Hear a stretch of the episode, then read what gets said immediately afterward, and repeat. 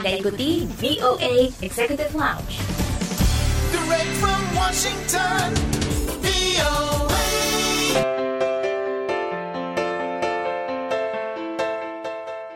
Langsung dari VOA di Washington DC. Hai, apa kabar? Senang sekali bisa bertemu kembali dengan Anda. Saya Dewi Sulianti, tentunya di VOA Executive Lounge, di mana Anda bisa berbagi cerita mengenai diaspora Indonesia di mancanegara, sekaligus informasi terbaru dari dunia gaya hidup dan hiburan. Kali ini di VOA Executive Lounge ada obrolan bersama Evie Allison yang hasil rancangannya untuk sebuah playground dinobatkan sebagai taman terbaik di Selandia Baru. Nantikan obrolannya, maka dari itu jangan ke mana-mana, tetap di VOA Executive Lounge. Ingin tahu berita menarik, terkini, dan terpercaya? Ikuti kami di Instagram at Indonesia.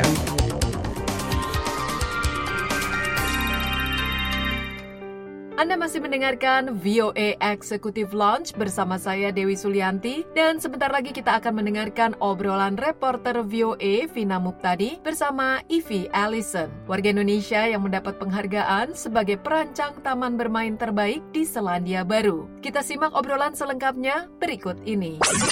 Sebuah playground atau taman bermain hasil rancangan seorang diaspora Indonesia di Auckland dinobatkan sebagai playground terbaik tahun ini dalam ajang penghargaan Taman Selandia Baru pada bulan Juni. Taman bermain itu sangat spesial karena merupakan playground pertama yang diperuntukkan bagi all abilities, yang berarti ramah bagi warga difabel. Saya Vina Muptadi berbincang dengan perancangnya yaitu Evie Ellison yang bekerja sebagai arsitek lanskap di Dewan Kota Auckland. Mbak Ivi lulusan arsitektur ITB ya. Terus gimana ceritanya bisa ke Selandia Baru? Singkatnya sih, aku emang suka kerja di luar negeri. Jadi dari Singapura, terus berapa tahun di Singapura, terus pindah ke Dubai. Terus pas krisis yang tahun 2008, 2009, terus pulang ke Indonesia sebentar, terus dapat kerja di Singapura lagi. Di situ nikah, Nah, sejak punya Bea, jadi sudah punya anak pertama, kita pikir kok kayaknya Singapura nggak nggak nyaman buat membesarkan anak kecil, soalnya kan harus tinggal di apartemen, terus uh, tinggi bangunannya, terus kayaknya apa rada concrete jungle gitu ya Singapura feelingnya, walaupun mereka banyak taman, tapi kayaknya kita mesti pergi gitu, apa effortnya lebih tinggi, lebih banyak lah. Terus uh, James dulu sempat di New Zealand tahun 2000, pokoknya dia yang yang baru lulus, terus pengen jalan-jalan dulu gitu. Dia dapat offer kerja di sini ya kita ya udah deh pindah lompat.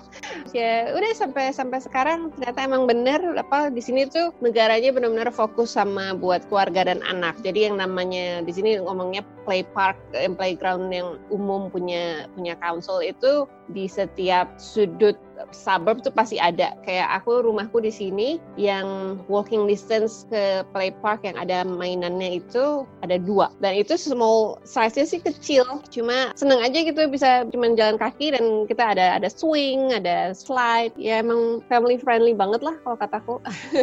Auckland City Council. Bekerja di situ sejak tahun berapa? Dari 2017 uh, Auckland Council lagi ada opening buat landscape architect. Aku ambil, mereka terima juga. Udah hampir tiga tahun, Juli Terus selama dua tahun lebih ya bekerja untuk City Council sebagai landscape ar architect udah ngedesain apa aja? Um, wah macam-macam sih karena kita kan uh, jadi aku tim aku itu tim in-house-nya Auckland Council, tim tim in-house design landscape.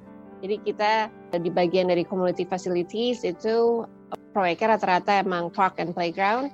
Tapi uh, tim kita juga kadang membantu departemen lain yang ngerjain planning. So, jadi rata-rata proyeknya bisa antara uh, development plan, ngerjain planning tentang daerah suburb di di Auckland atau kalau dari community facilities berarti uh, park sama playground ya. Mm-hmm. Jadi bisa antara dari park yang isinya path, uh, picnic table, ya, uh, daerah piknik, daerah yang cuma isinya uh, untuk bisa reserve yang lebih ke bush juga. Kadang kita ngerjain di sini kan ada banyak, masih banyak yang native bush, jadi kita uh, ya apa pun yang di, di, dikasih. Jadi uh, dulu tuh pro, rata-rata proyeknya dari project manager mereka datang ke kita aku punya ini nih terus uh, bisa bantuin nggak? Gitu. Tapi sekarang kita ada restructuring jadi lebih kita yang filter kita lihat proyeknya council apa aja terus ambil yang kita mau. Jadi sekarang sih lumayan lebih lebih selektif. Kalau playground kit ini, is this apakah ini playground pertama yang dibangun yang Mbak Ivi atau enggak?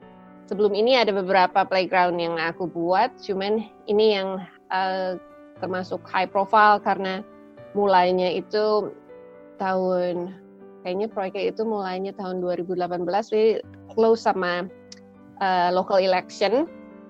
Terus local board ini pengen fokus uh, disability biar um, karena lagi rame ya lagi banyak fokusnya dan ini mereka mau bikin pilot project begitulah awalnya jadi ya makanya rada high profile karena uh, local boardnya lumayan lumayan invest sama proyeknya jadi mereka bikin Facebook page bikin promosi di mana-mana gitu.